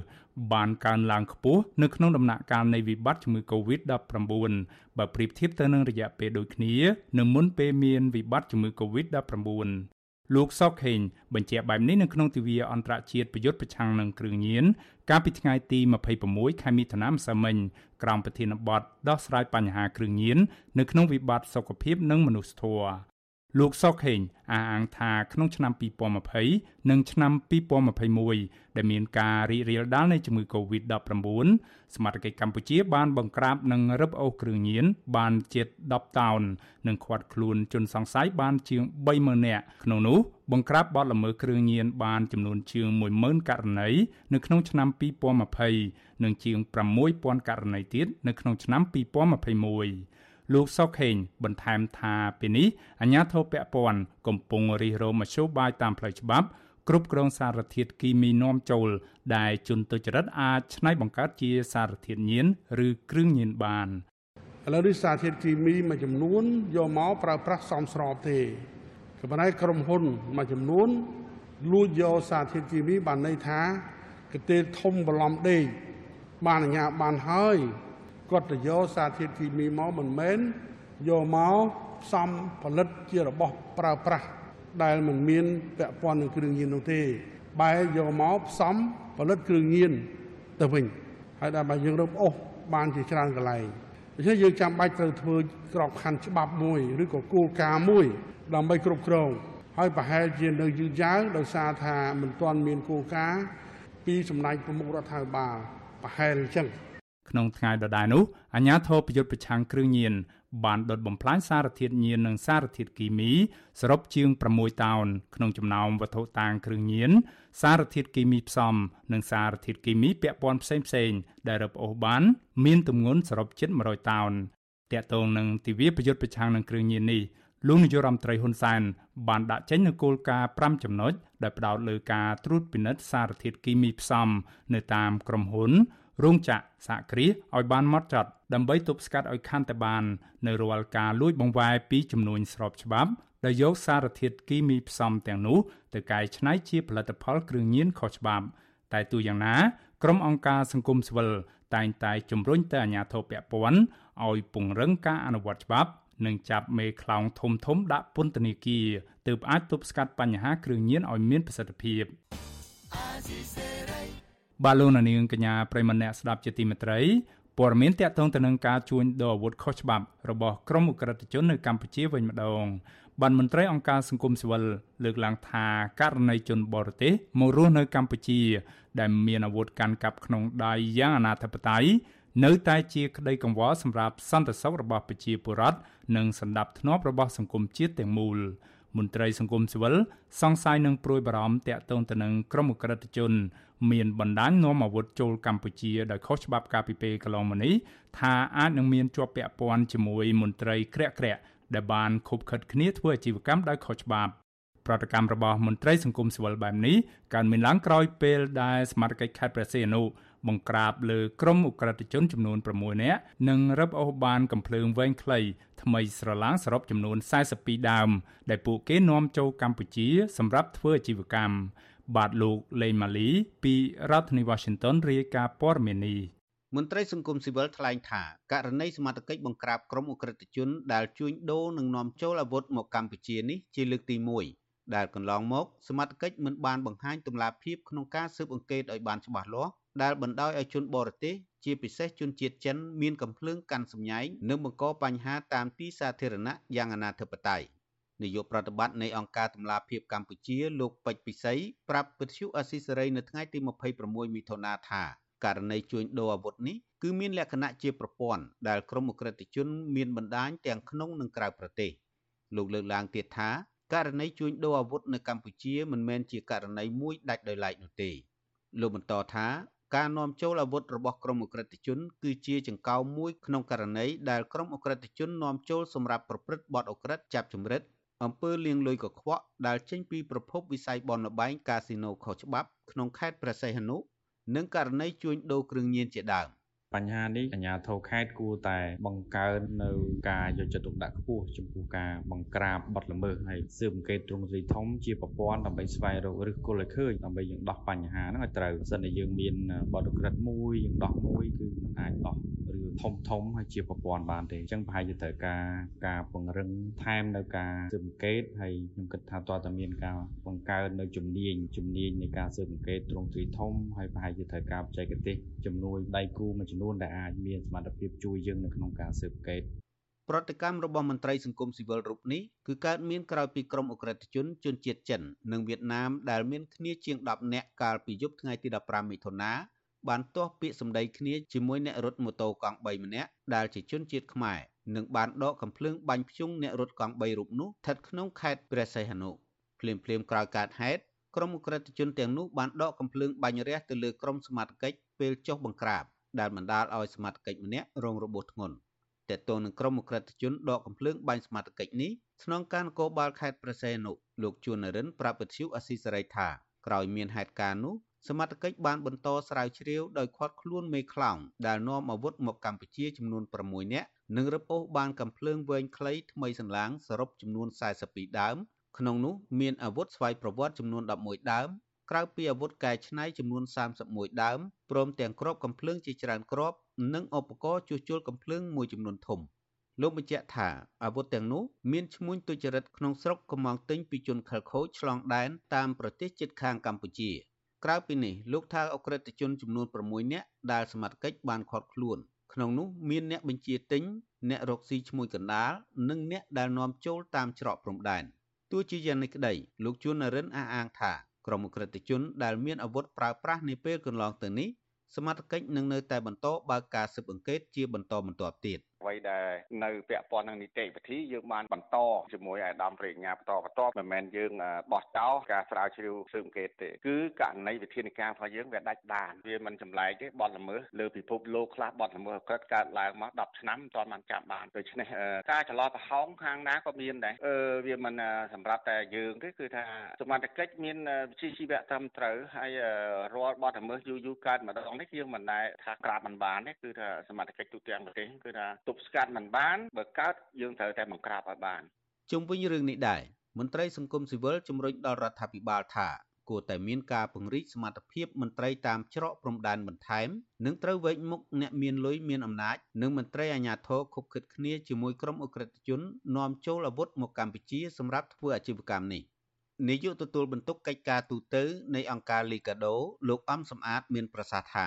បើករណីជួញដូរអាវុធនៅតែបន្តកើតឡើងគ្មានការទប់ស្កាត់ច្បាស់លាស់គឺជាបញ្ហាគ្រោះថ្នាក់ដល់សុវត្ថិភាពសន្តិសុខសង្គមជាតិទាំងមូលលោកបន្តថាការបង្ក្រាបករណីជួញដូរអាវុធនេះជារឿងប្រសើរប៉ុន្តែការទប់ស្កាត់ដើម្បីកុំឲ្យមានលំហូរការជួញដូរអាវុធមន្ត្រីអាជ្ញាធរពាក់ព័ន្ធត្រូវធានាឲ្យមានការស៊ើបអង្កេតឲ្យបានច្បាស់លាស់លើអ្នកពាក់ព័ន្ធទាំងអស់ក្រៅតែអំពីការទប់ស្កាត់ឲ្យមានប្រសិទ្ធភាពត្រូវតែចាត់វិធានការផងដែរបើសិនជារកទៅឃើញ មន្ត្រីណាដែលពាក់ព័ន្ធនឹងការជួញដូរអាវុធទោះបីជាក្នុងច្រកព្រំដែនក៏ដោយក្នុងប្រទេសក៏ដោយត្រូវតែកាត់ផ្ដាច់និងចាត់វិធានការឲ្យខាងតែបានដើម្បីទប់ស្កាត់នៅលំហូរចូលនៃការជួញដូរអាវុធឲ្យមានប្រសិទ្ធភាពទោះបីជានាំចូលពីក្រៅឬក៏កែច្នៃនៅខាងក្នុងប្រទេសក៏ដោយដើម្បីរក្សានៅសុវត្ថិភាពសន្តិសុខជូនប្រជាពលរដ្ឋ មន្ត្រីសង្គមស៊ីវិលលើកឡើងថាករណីបទអក្រិតសាហាវសាហាវបានកើតឡើងជាច្រើនក្នុងរយៈពេលប្រមាណឆ្នាំកន្លងមកនេះដែលធ្វើឲ្យប្រជាពលរដ្ឋក្នុងខេត្តព្រះសីហនុនិងភ្ញៀវអន្តរជាតិមានក្តីបារម្ភពីបញ្ហាសុវត្ថិភាពពួកគាត់ស្នើយ៉ាងទទូចដល់អាជ្ញាធរនិងរដ្ឋាភិបាលថាត្រូវតែមានចំណាត់ការឲ្យបានម៉ឺងម៉ាត់ចំពោះក្រុមអក្រិតជន ជាពិសេសជនជាតិចិនដែលតែងតែមានអាវុធប្រើប្រាស់ក្នុងការចាប់ជំរិតនិងគំរាមកំហែងដល់ពលរដ្ឋនៅក្នុងខេត្តព្រះសីហនុ នាពេលកន្លងមកនេះខ្ញុំបាទលេងម៉ាលីវិទ្យុអស៊ីសេរីរាយការណ៍ពីរដ្ឋធានី Washington បាទលោកនាងកញ្ញាប្រិមម្នាក់ស្ដាប់ជាទីមេត្រីពាក់ព័ន្ធនឹងបញ្ហាបរិស្ថានវិញម្ដង បាទពលរដ្ឋរស់នៅទីក្រុងភ្នំពេញនិងក្រុមយុវជនស្រឡាញ់បរិស្ថានព្រួយបារម្ភពីផលប៉ះពាល់ដល់សុខភាពដោយសារតែកាកសំណល់ផ្លាស្ទិកនិងការទុកដាក់សម្រាមគ្មានរបៀបរៀបរយយុវជននិងពលរដ្ឋអំពាវនាវដល់អាជ្ញាធរពាក់ព័ន្ធទាំងអស់ជាពិសេសក្រសួងបរិស្ថាន គួរតែយកចិត្តទុកដាក់ឲ្យបានដិតដល់អំពីបរិស្ថានកខ្វក់ដូចជាការចោលថង់ប្លាស្ទិកពាសវាលពាសកាលជាដើម បានអ្នកស្រីសុជីវីរីកាព័រមីនីបញ្ហាការទុកដាក់សម្រាមពុំបានសមរម្យកាកសំណល់ប្លាស្ទិកនិងការបដូរទម្លាប់វិចខ្ចប់មកប្រើថង់ប្លាស្ទិកធ្វើឲ្យកាកសំណល់ប្រភេទនេះកាន់តែកើនឡើងពីមួយថ្ងៃទៅមួយថ្ងៃជាពិសេសនៅរាជធានីភ្នំពេញកាកសំណល់ប្លាស្ទិកបង្កផលវិបាកអាក្រក់ដល់សុខភាពមនុស្សជាតិសត្វរុក្ខជាតិ និងជីវៈចម្រុះផ្សេងទៀតនៅក្នុងទឹកនិងរួមចំណែកធ្វើឲ្យកើនឡើងនៅកម្ដៅភពផែនដីកាន់តែខ្លាំងយ៉ាងឆាប់រហ័សពលរដ្ឋរស់នៅរាជធានីភ្នំពេញនិងជាសមាជិកសហព័ន្ធសមាគមនិស្សិតបញ្ញវន្តខ្មែរ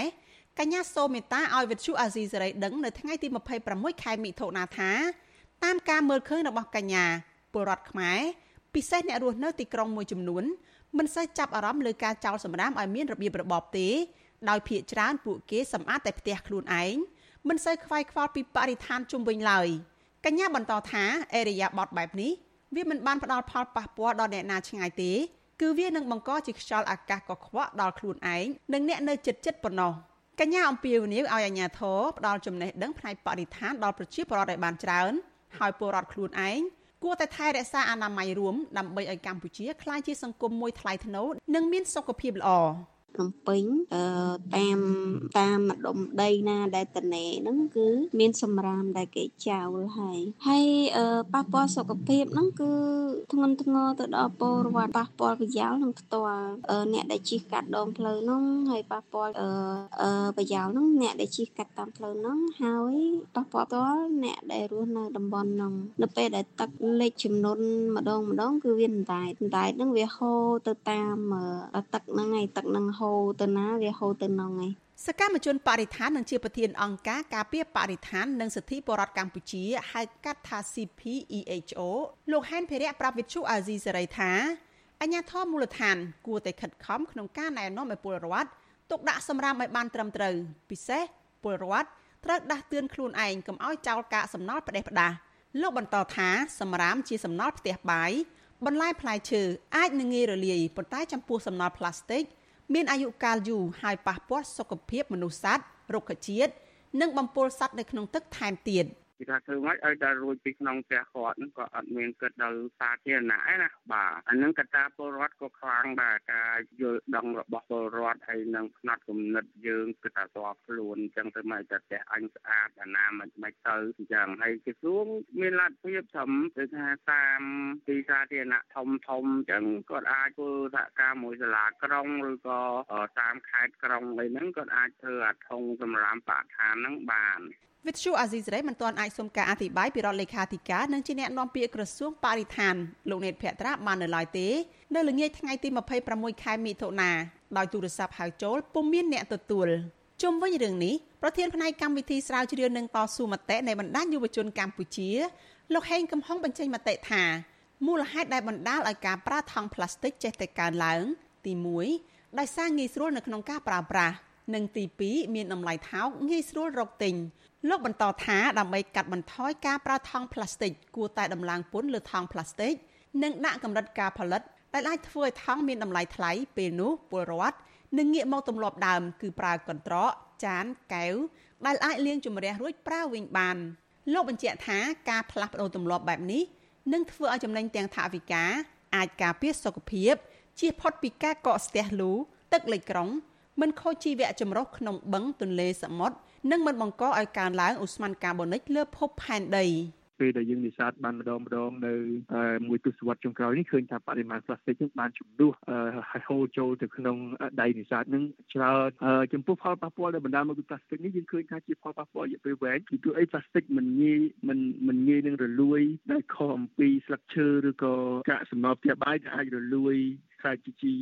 ធម្មជាតិទេណាប៉ុន្តែប្លាស្ទិកនេះគឺมันអាចរលួយខ្សែជីធម្មជាតិបាននេះបាទប៉ុន្តែផ្ទុយទៅវិញវាបង្កមានដីហឹរនិងផលប៉ះពាល់ផ្សេងទៀតកាន់តែច្រើនឡើងច្រើនណាស់ក្រុមប្រឹក្សានិងនាយកប្រតិបត្តិនៃធនាគារពិភពលោកបានសម្រេចបញ្ចេញកញ្ចប់លុយសរុប20លានដុល្លារជួយទៅដល់ប្រទេសជាសមាជិករបស់សហគមន៍ប្រជាជាតិអាស៊ីអាគ្នេយ៍ហៅកាត់ថាអាស៊ាន នៅក្នុងផែនការ CMAP ដើម្បីលុបបំបាត់ការបង្កឲ្យមានជាតិពុលនិងបំពុលដល់បរិស្ថានដោយសារសម្រាម កាកសំណល់ផ្លាស្ទិកដែលហូរចូលទៅក្នុងទន្លេ បឹងបួសមុទ្រនៅក្នុងភូមិភាគអាស៊ីធនាគារពិភពលោកបានប្រកាសកាលពីថ្ងៃទី22ខែមិថុនាថាក្នុងគម្រោងថវិកានេះធនាគារពិភពលោកនឹងសហការជាមួយភាគីពាក់ព័ន្ធនៅក្នុងតំបន់អាស៊ីអាគ្នេយ៍មានទាំងប្រទេសកម្ពុជាផងក្នុងការទប់ស្កាត់ការប្រើថង់ប្លាស្ទិកលើសពីតម្រូវការ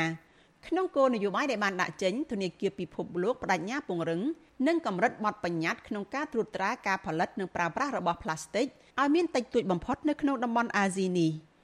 យោងតាមធនាគារពិភពលោកការបំពុលបរិស្ថានដោយផលិតផលប្លាស្ទិកនេះធ្វើឲ្យខាតបង់ទឹកប្រាក់ជាច្រើនចំពោះឆ្នាំ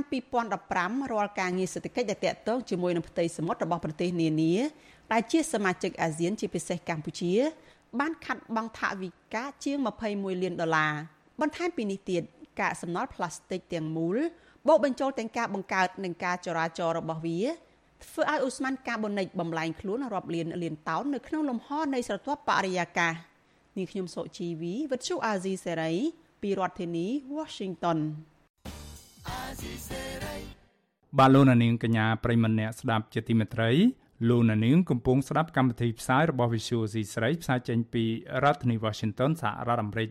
បាទប្រជាសហគមន៍នេសាទរស់នៅតាមដងទន្លេមេគង្គខេត្តកោះចេះនិងខេត្តស្ទឹងត្រែងអះអាងថាការសាងសង់ទំនប់វារីអគ្គិសនីតាមដងទន្លេមេគង្គគឺជាមូលហេតុធ្វើឲ្យប្រែប្រួលលំហូរទឹកបណ្ដាលឲ្យទិន្នផលត្រីធ្លាក់ចុះខ្លាំងជាបន្តបន្ទាប់ ជាពិសេសប៉ះពាល់ដល់ប្រភពចំណូលសេដ្ឋកិច្ចរបស់ពលរដ្ឋ ពួកគាត់អះអាងថាស្ថានភាពទឹកក្នុងអាងទន្លេមេគង្គនៅឆ្នាំនេះប្រែប្រួលខុសពីប្រក្រតីមិនត្រឹមតែប៉ះពាល់ដល់ធនធានត្រីនិងផ្សោតប៉ុណ្ណោះទេក៏ប៉ុន្តែការធ្វើកសិកម្មរបស់ពលរដ្ឋនៅតាមជ្រលងដងទន្លេក៏រងនូវផលប៉ះពាល់ដែរបាទលោកនាងនឹងបានស្ដាប់សេចក្តីរាយការណ៍នេះពិស្ដានាពេលបន្តិចទៀតនេះបាទសូមអរគុណ thank you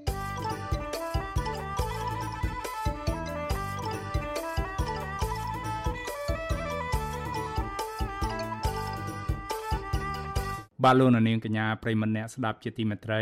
តើតើនឹងបញ្ហាបរិស្ថាននេះដែរក្រមយុវជននិងព្រះសង្ឃជាច្រើនអង្គនិងអ្នកកំពុងធ្វើធម្មយាត្រាការពីប្រៃឈើនៅតំបន់អរ៉ែងដើម្បីផ្សព្វផ្សាយឲ្យពលរដ្ឋបានយល់ដឹងអំពីសារៈសំខាន់នៃប្រៃឈើនិងនាំគ្នាចូលរួមទប់ស្កាត់បទល្មើសបំផ្លាញធនធានធម្មជាតិ បន្ទាប់ពីព្រៃឈើនៅក្នុងតំបន់អរ៉ែងបន្តរងនឹងការកាប់ធ្វើអាជីវកម្មដោយគ្មានអាជ្ញាធរពាក់ព័ន្ធចាត់វិធានការទប់ស្កាត់ឲ្យមានប្រសិទ្ធភាពនោះឡើយបាទលោកជីវតារីកាព័រមីនីប្រសង់និងក្រុមយុវជនខ្មែរថាវរៈប្រមាណ30នាក់ចាប់ផ្ដើមធ្វើធម្មយាត្រានៅតំបន់អរ៉ែងក្នុងស្រុកថ្មបាំងខេត្តកោះកុងនៅថ្ងៃទី26ខែមិថុនានេះប្រសង់និងក្រុមយុវជននិមន្តឬដើរថ្មើរជើងចម្ងាយប្រមាណ15គីឡូម៉ែត្រ ដោយដៃកាន់ទង់ជាតិទង់ព្រះពុទ្ធសាសនាព្រមទាំងលើកបដាសរសេរអំពីទស្សនៈផ្សេងផ្សេងក្នុងនោះមានសារស្នើដល់រដ្ឋាភិបាលឲ្យគោរពសិទ្ធិសេរីភាពនិងអនុញ្ញាតឲ្យក្រមយុវជនចូលរួមយ៉ាងសកម្មក្នុងការការពារថែរក្សាសម្បត្តិធម្មជាតិបើអ្នកបំផ្លាញព្រៃឈើស្មើនឹងអ្នកបំផ្លាញជីវិតរបស់អ្នកនិងសូមបញ្ឈប់បទល្មើសព្រៃឈើអភិរក្សព្រៃឈើគឺជាកាតព្វកិច្ចរបស់យើងទាំងអស់គ្នាជាដើម។ ធម្មយាត្រានេះសមត្ថកិច្ចមូលដ្ឋានខេត្តកោះកុងជាច្រើនអ្នកចុះស្ទាក់សាកសួរនិងថតរូបប្រមាណ5នាទីប៉ុន្តែអាជ្ញាធរមិនបានហាមឃាត់ពិធីធម្មយាត្រារបស់ក្រុមយុវជននេះទេតំណាងក្រុមយុវជនខ្មែរថាវរៈលោកហ៊ុនវណ្ណៈលើកឡើងថាគោលបំណងនៃការរៀបចំកម្មវិធីធម្មយាត្រាដើរឆ្លងកាត់ភូមិមួយចំនួនលើកនេះដើម្បីជំរុញឲ្យពលរដ្ឋយល់ដឹងពីតម្លៃធនធានធម្មជាតិ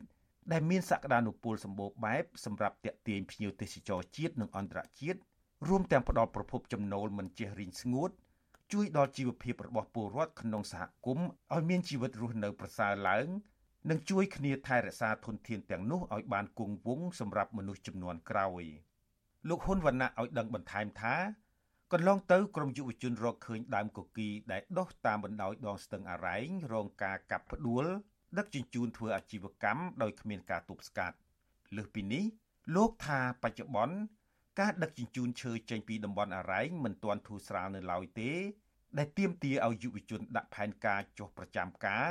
ដើម្បីរួមជាមួយសហគមន៍រកវិធីទប់ស្កាត់បទល្មើសព្រៃឈើទាំងនេះ។ ការសម្រេចចិត្តនិងការលះបង់របស់ប្រសង់និងយុវជន ថាចុះមកស្នាក់នៅហើយនឹងប្រចាំការការពារព្រៃឈើនេះគឺដោយសារពួកយើងយល់ឃើញពីសារៈសំខាន់ព្រៃឈើដែលត្រូវបានគេកាប់ជារៀងរាល់ថ្ងៃនេះបើសិនជាយុវជនយើងប្រសង់យើងបានចូលរួមកាន់តែច្រើនដូច្នេះយើងអាចថែរក្សាការពារតំបន់នេះក៏បានខ្លាំងបានល្អដែរហើយគឺយើងអាចនឹងមាន ការផ្ដល់ឱកាសឲ្យពួកយើងបានគិតគូរនិងរកមធ្យោបាយជួយសហគមន៍នេះបានតាមរយៈកម្មភាពផ្សេងផ្សេងទៀតវិទ្យុអាស៊ីសេរីមិនអាចតាក់ទងแนะនាំពាក្យក្រសួងបរិស្ថានលោកនេតភក្ត្រានិងអភិបាលខេត្តកោះកុងអ្នកស្រីមិថុនាភូថងដើម្បីបំភ្លឺរឿងនេះបាននៅឡើយទេនៅថ្ងៃទី26មិថុនាទោះជាយ៉ាងណាអ្នកស្រីមិថុនាភូថងបានប្រាប់វិទ្យុអាស៊ីសេរីកាលពីថ្ងៃទី25មិថុនាថា អញ្ញាធរខេត្តស្វាគមន៍វត្តមានយុវជននិងព្រះសង្ឃធ្វើសកម្មភាពចូលរួមចំណែកការពារធនធានធម្មជាតិនៅតំបន់អរ៉ែងដោយគ្មានការរារាំងពីសំណាក់សមត្ថកិច្ចនោះទេអ្នកស្រីជំរុញឲ្យក្រមយុវជនរាយការណ៍មកអាជ្ញាធរមូលដ្ឋានបើសិនពួកគេជួបប្រទះភាពមិនប្រក្រតីឬការកាប់ទន្ទ្រានព្រៃឈើនៅតំបន់នោះដើម្បីអាជ្ញាធរចាត់វិធានការតាមផ្លូវច្បាប់ ចំណែកមន្ត្រីជាន់ខ្ពស់ផ្នែកតស៊ូមតិគម្រោងអ្នកការពារព្រៃឈើនៃសមាគមបណ្ដាញយុវជនកម្ពុជាលោកសាន់ម៉ាឡាឲ្យដឹងថាបទល្មើសព្រៃឈើបន្តកើតឡើងកន្លងទៅ គឺបណ្ដាលមកពីរដ្ឋាភិបាល និងអាជ្ញាធរពាក់ព័ន្ធហាក់គ្មានឆន្ទៈការពារនិងថែរក្សាទុកឲ្យមនុស្សចំនួនក្រោយ តែបណ្ដោយឲ្យឈ្មួញមានលួយខុបខិតលួចកាប់ឈើខុសច្បាប់ ដោយពុំបានចាត់វិធានការតាមផ្លូវច្បាប់ឡើយលោកបារម្ភថា ការបាត់ព្រៃឈើនៅតំបន់អរ៉ែងនឹងប៉ះពាល់ដល់មុខរបរជាប្រពៃណីឬអត្តសញ្ញាណរបស់ជនជាតិដើមភាគតិចនឹងអាចបាត់បង់ទាំងស្រុងនៅជីវៈចម្រុះដ៏សម្បូរបែបនៅទីនោះលោកសាន់ម៉ាឡាជឿជាក់ថាវត្តមានរបស់ក្រមយុវជននិងពលរដ្ឋក្នុងតំបន់អរ៉ែងអាចចូលរួមថែរក្សាការពារធនធានធម្មជាតិដែលនៅសេសសល់នៅទីនោះឲ្យនៅគង់វង្ស ខ្ញុំលែងមានជំនឿចំពោះក្រសួងបរិស្ថានថាអាចក្នុងការកែតម្រង់ធានាបានថាកិច្ចការពីរបស់ប្រកបហ្នឹងធ្វើឡើងប្រកបដោយប្រសិទ្ធភាពអ្វីដែលខ្ញុំរំពឹងរាល់ថ្ងៃនេះគឺការចូលរួមរបស់យុវជនក៏ដូចជាប្រជាពលរដ្ឋទៅវិញទេបើសិនជាយើងមើលឃើញថាគាត់អសមត្ថភាពគាត់អត់មានឆន្ទៈនៅក្នុងការការពារព្រៃឈើតើនាមយើងជាម្ចាស់ធនធានទាំងអស់នោះបន្តនាំគ្នាស្ងៀមស្ងាត់បែបនេះបន្តទទួលយក ការកាប់បំផ្លាញព្រៃឈើជារឿងប្រក្រតីនៅក្នុងជីវភាពប្រចាំថ្ងៃឬក៏គួរតែធ្វើអីម្យ៉ាងទាំងអស់គ្នាដើម្បីការពារទ្រព្យសម្បត្តិរបស់យើងដែលកំពុងតែត្រូវបានគេលួចជារៀងរាល់ថ្ងៃលោកនាយករដ្ឋមន្ត្រីហ៊ុនសែនធ្លាប់លើកឡើងថា បំណងរបស់លោក ចង់រក្សាតំបន់អរ៉ែងទុកឲ្យខ្មែរចំនួនក្រោយជាអ្នកសម្រេចថាតើត្រូវធ្វើដូចម្ដេចគោលបំណងរបស់លោកនាយករដ្ឋមន្ត្រី ស្របទៅនឹងអ្វីដែលក្រមយុវជនខ្មែរថាវរៈពលរដ្ឋនិងប្រសង់ ចង់រក្សាតំបន់ព្រៃភ្នំអរ៉ៃនេះឲ្យគង់វង្សយូរអង្វែងជ្រលងភ្នំអរ៉ៃគឺជាកន្លែងដ៏ស្រស់ស្អាតមួយក្នុងខេត្តកោះកុងដែលមានប្រភេទសត្វព្រៃដ៏កម្រអមដោយព្រៃឈើដ៏ស្រស់ត្រកាលបន្សល់ចុងក្រោយនៅកម្ពុជាតំបន់នោះជាកន្លែងដែលជនជាតិដើមភាគតិចជងជាង1500នាក់កំពុងរស់នៅជាមួយបរិស្ថានធម្មជាតិដ៏ស្រស់បំព្រងតាមបណ្ដោយជ្រលងភ្នំ ដែលមានសត្វព្រៃកម្ររស់នៅ រួមមានសត្វក្រពើភ្នំ ត្រីនាគដំរីធំធំជាដើម បច្ចុប្បន្នដើមកគីនិងដើមឈើទាលជាដើម ដែលដុះតាមបណ្ដោយដងស្ទឹងអរ៉ែងកំពុងប្រឈមការបាត់បង់ទាំងស្រុងខ្ញុំជីវិតាអាស៊ីសេរី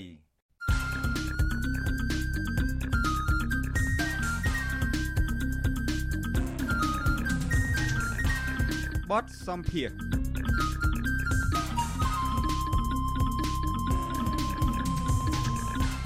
បាទលោកនាងកញ្ញាប្រិមម្នាក់ស្ដាប់ជាទីមេត្រី អ្នកសិក្សាការអភិវឌ្ឍសង្គមនិងជាអ្នកវិភាគនយោបាយមើលឃើញថាចំនួនមេឃុំនិងក្រុមប្រឹក្សាឃុំសង្កាត់ជាប់ឆ្នោតរបស់គណៈបកភ្លើងទៀនគឺជាទឹកតាំងបង្ហាញអំពីកម្លាំងរបស់គណៈបកនេះសម្រាប់ការបោះឆ្នោតជាតិនៅឆ្នាំ2023ខាងមុខនេះក៏ប៉ុន្តែទោះជាយ៉ាងណាសម្លេងរបស់គណៈបកភ្លើងទៀននឹងរងនៅភ្ជុះភ្លៀងពីការធ្វើទុកបុកម្នេញខ្លាំងក្លាពីសំណាក់គណៈបកកណ្ដាលអំណាច បាទតើគណៈបកភ្លើងទៀនអាចឈរជើងពង្រឹងកម្លាំងនៅមូលដ្ឋានបានយ៉ាងណា នៅមុនការបោះឆ្នោតជាតិខាងមុខនេះបាទសូមអញ្ជើញលោកនាង ស្ដាប់បទសម្ភាសរវាងអ្នកស្រីសុជីវីជាមួយបណ្ឌិតមាសនេះជុំវិញបញ្ហានេះដូចតទៅចាលទ្ធផលនេះតើចំពោះលោកបណ្ឌិតមាននេះលោកបណ្ឌិតមើលឃើញយ៉ាងម៉េចចំពោះសម្លេងនៅថ្នាក់មូលដ្ឋានតើគណៈបព្វជិជនកម្ពុជាដែល ទទួលបានសម្លេងឆ្នោតច្រើនសន្ធឹកសន្ធាប់បើប្រៀបធៀបជាមួយនឹងគណៈបកភ្លើងទៀននិងគណៈបកផ្សេងទៀតហ្នឹងគឺថាមានសម្លេងតិចតួចនៅឡើយហ្នឹង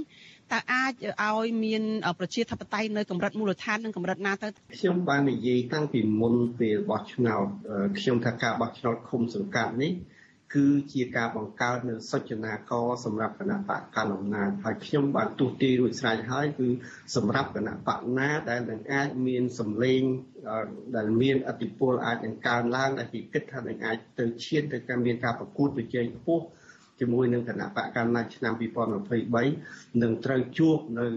ព្យុះភ្លៀងមកសម្បើមទៀតបាទហើយខ្ញុំបានមើលមួយទៀតដែរគឺសម្រាប់ គណៈបកភ្លើងទៀនក្រោយពីខ្ញុំបានយកចំនួនក្រុមប្រឹក្សាឃុំយកមកគិតខ្ញុំបានចែកប្រភេទនៃគណៈបកភ្លើងទៀនដែលបានកាន់កាប់ក្រុមប្រឹក្សាឃុំជា3គឺទី1គឺក្នុងទីតាំងដែលក្រុមដែលគណៈបកភ្លើងទៀនបានទទួលបាននៅមេឃុំតំណែងមេឃុំហើយនឹងកន្លែងដែលភ្លើងទៀនទទួលបានសមាជិកច្រើនហើយនឹងមួយទៀតគឺកន្លែងដែល ភ្លើងទៀនទទួលបានសមាជិកក្រុមប្រឹក្សាតិចឬមិនបានសោះហើយកន្លែងដែលត្រូវជួបព្យុះភ្លៀងធំជាងគេគឺកន្លែងដែលមានក្រុមប្រឹក្សាដែលមានក្រុមប្រឹក្សាឃុំបានឡើងជាប្រធានឃុំដែលខ្ញុំទស្សទេរួចរួចស្រេចថានឹងមានរឿងផ្លែកផ្លែកកើតឡើងច្រើនបាទហើយរឿងនេះក៏មិនជារឿងទីចិត្តចម្លែកទេសម្រាប់ខ្ញុំមិនចម្លែកទេខ្ញុំយើងធ្លាប់ឃើញរឿងនេះវាច្រើនអាណត្តិមកហើយណាបាទអឺ ប៉ុន្តែសម្រាប់សំណួរដែលអ្នកស្រីជីវីបានសួរពីរឿងថាតើវានឹងអាចជួយទៅបំរើនៅរដ្ឋប្រជាធិបតេយ្យមូលដ្ឋានបានយ៉ាងបែបណានោះខ្ញុំគិតថាវាធម្មតាកាលណាមានពហុបកនៅតាមមូលដ្ឋាន គឺវាប្រកាសជាបានជួយឲ្យមានធ្វើការប្រកួតប្រជែងហើយពិសេសគឺការជួយពង្រឹងឲ្យមានតម្លាភាពហើយយើងដឹងហើយនៅសង្គមយើងការរំលោភអំណាច អំពើពុករលួយការខ្វះតម្លាភាពអីហ្នឹងគឺវាកើតមាននៅគ្រប់កម្រិតទាំងអស់នៅក្នុងស្ថាប័នរដ្ឋហ្នឹងបាទអញ្ចឹងការមានសមាជិកភាពពហុបកនៅក្នុងមូលដ្ឋានហ្នឹងវាជាចំណែកមួយនៃការចាប់ផ្ដើមដើម្បីជួយតម្រង់គ្នាបាទជួយមើលគ្នាទៅវិញទៅមកប៉ុន្តែអានឹងក៏វាអាស្រ័យទៅលើ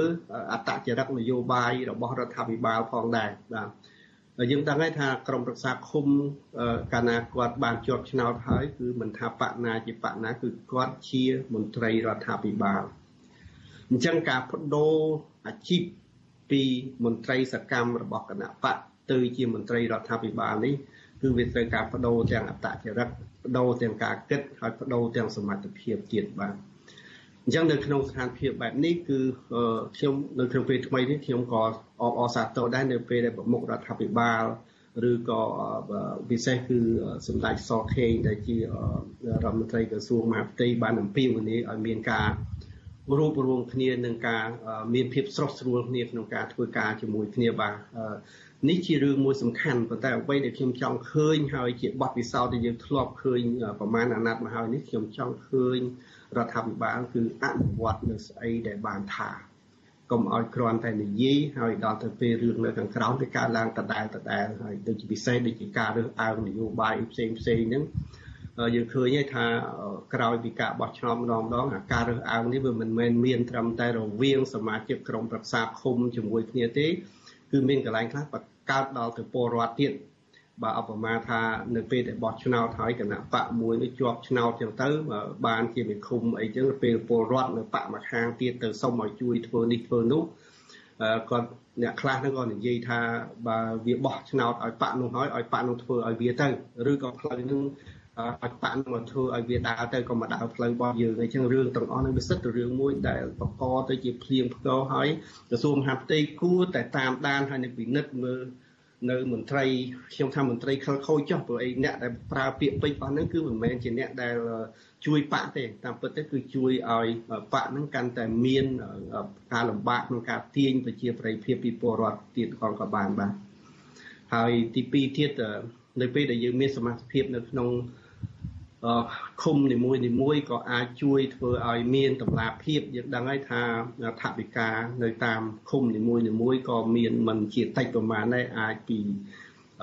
20000ទៅឬក៏40000ដុល្លារនៅក្នុងមួយឆ្នាំបាទអញ្ចឹងរឿងនេះប្រសិនបើមិនមានតម្លាភាពស្រួលពលទេគឺការចាយថវិកាជាតិនៅមូលដ្ឋាននឹងអាចជួបប្រទះនៅការលំអៀងទៅលើ ការប្រើប្រាស់ដើម្បីបម្រើផលផលប្រយោជន៍នយោបាយឬមួយក៏អាចនឹងប្រឈមនឹងអំពើពុករលួយផ្សេងផ្សេងផងដែរបាទលោកមនិតមាសនេះលោកមនិតបានលើកឡើងថាការផ្លាស់ប្ដូរឬក៏ការអាចឲ្យគណៈបកភ្លើងទៀនដែលជាគណៈបកមានសម្លេងនៅក្នុងមូលដ្ឋាននឹងអាចធ្វើការរបស់ខ្លួនបានហ្នឹងគឺផ្អែកទៅលើការផ្លាស់ប្ដូរអត្តចរិតរបស់គណៈបកកណ្ដាលអំណាចដែរចា ប៉ុន្តែតើធ្វើយ៉ាងម៉េចដើម្បីឲ្យសមាជិកក្រុមប្រឹក្សាដែលជាប់ឆ្នោតហើយរួមនឹងមេឃុំរបស់គណៈបកភ្លើងទៀនដែលលោកមនិតលើកឡើងថាអាចនឹងរងព្យុះភ្លៀងសពបែបយ៉ាងហ្នឹងតស៊ូជាមួយនឹងព្យុះភ្លៀងដែលលោកមនិតបានលើកឡើងហ្នឹងចា៎អឺរឿងសំខាន់នៅក្នុងការធ្វើការរួមគ្នានេះខ្ញុំមិនមែននិយាយតែពីរឿងខាងគណៈបកកណ្ណាទេគឺខាងគណៈបកភ្លើងទៀនហ្នឹងក៏ត្រូវតែបង្ហាញនៅ សុចនាករឬក៏នៅសុចរិតភាពក្នុងការចូលរួមដើម្បីជួយដែរនៅពេលដែលយើងជាប់ឆ្នោតចាលោកមនិតយើងងាកមកពីរឿងកជបវិញម្ដងដោយសារតែខាងអ្នក ឃ្លាំមើលការបោះឆ្នោតហ្នឹងសុទ្ធសឹងតែបានលើកឡើងថាពេលដែលគណៈបកនយោបាយដែលមិនពេញចិត្តចំពោះការបោះឆ្នោតគួរតែរួមសម្លេងគ្នា ហើយទាមទារឲ្យកជបនឹងមានការផ្លាស់ប្ដូររបៀបធ្វើការរបស់ខ្លួនតើចំពោះលោកមនិតវិញលោកមនិតឃើញថាមធ្យោបាយនេះអាចទៅរួចដែរទេនៅពេលដែលលោកមនិតបានលើកឡើងហើយថាមានការចម្លែកក្នុងចិត្តនៅពេលដែលកោជបខ្លាយទៅជាដើមមិនដឹងប្តឹងគណៈបកនយោបាយដែលចូលរួមការបោះឆ្នោតអីនេះចា៎នៅក្នុង រឿងនេះប្រសិនបើសម្លេងមានតែមួយណាប្រមាថថាអ្នកណានឹកឃើញឡើងទៅនិយាយទៅមួយទៀតនឹកឃើញទៅនិយាយទៅវាអត់មានអធិពលអីទេក៏ប៉ុន្តែបើសិនជារៀបចំឲ្យវាទៅជាមានសម្ព័ន្ធភាពមួយដែលអាចនឹងលើកឡើងរឿងនឹងឡើងព្រមគ្នាតែម្ដងតាមរយៈការរៀបចំនៅយើងហៅថាជាការសហការឬជាសម្ព័ន្ធភាពណាមួយនោះខ្ញុំគិតថាចង់មិនចង់ក៏វានឹងអាចធ្វើឲ្យ សំឡេងនេះវាអាចលឺខុសធម្មតាក្រៅជាជាងដែលយើងស្រែកតែម្នាក់ម្នាក់រៀងខ្លួនបាទតើគណៈបកកាន់អំណាចអាចប្រើប្រាស់មធ្យោបាយប្រវត្តិសាស្ត្រច្រាំដែលអាចនឹងថាទៅរំលាយគណៈបកភ្លើងទៀនឡើងវិញជាថ្មីម្ដងទៀតដោយការរំលាយគណៈបកសង្គ្រោះជាតិដែរទេចា៎នៅក្នុងឆ្នាំ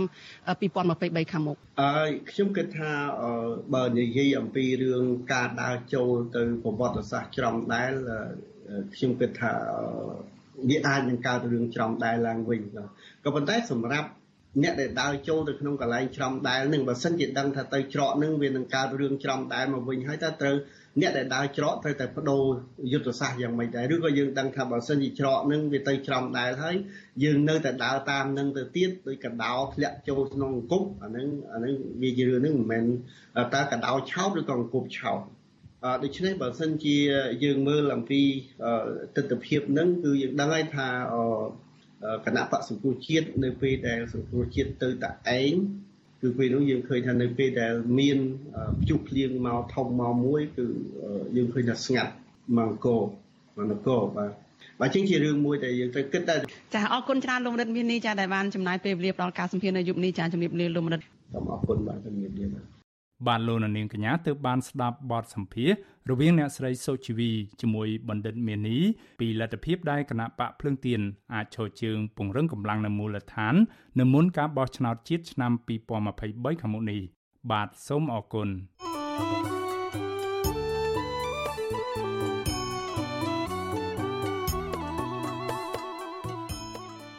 បាទលោកនាងប្រិមម្នាក់ស្ដាប់ជាទីមេត្រី ក្រៅពីតាមដានកម្មវិធីផ្សាយរបស់ Visual C ស្រីតាមបណ្ដាញសង្គម Facebook YouTube និង Telegram លោកអ្នកនាងក៏អាចតាមដានកម្មវិធីផ្សាយរបស់យើងតាមបណ្ដាញសង្គម Instagram ដែលមានអាសយដ្ឋាន instagram.com/rfa ខ្មែរ Visual C ស្រីបន្តខិតខំផ្សព្វផ្សាយព័ត៌មានពិតជូនដល់លោកអ្នកនាង តាមរយៈបណ្ដាញសង្គមផ្សេងៗនិងសម្បូរបែបដើម្បីឲ្យលោកអ្នកនាងងាយស្រួលតាមដានការផ្សាយរបស់យើងគ្រប់ពេលវេលា និងគ្រប់ទីកន្លែងតាមរយៈទូរស័ព្ទដៃរបស់លោកអ្នកនាង។បាទសូមអរគុណ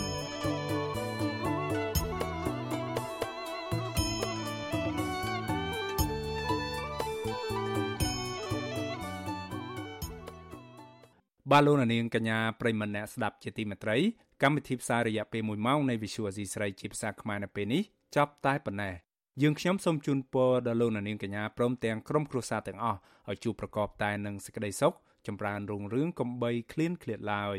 ខ្ញុំបាទមេរិតព្រមទាំងក្រុមការងារទាំងអស់នៃវិសុវស៊ីស្រីសូមអរគុណនិងសូមជម្រាបលា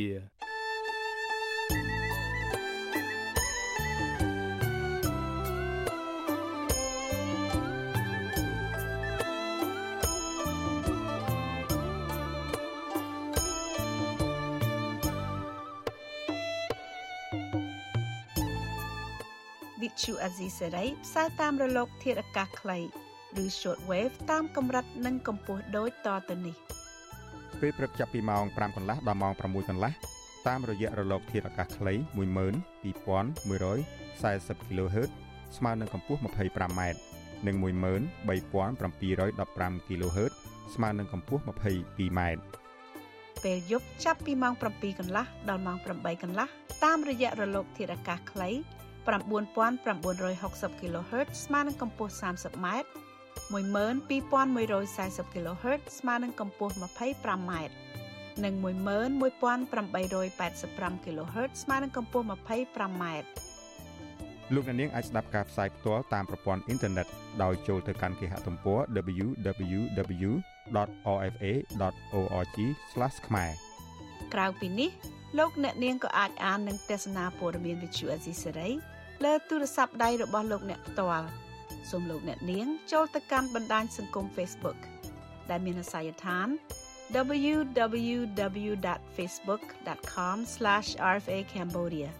និង YouTube www.youtube.com/rfa khmer video សូមលោកអ្នកនាងចុច like និងចុច Subscribe ដើម្បីទទួលបានព័ត៌មានថ្មីៗទាន់ហេតុការណ៍និងទស្សនាវីដេអូផ្សេងៗទៀត បានគ្រប់ពេលវេលា thank you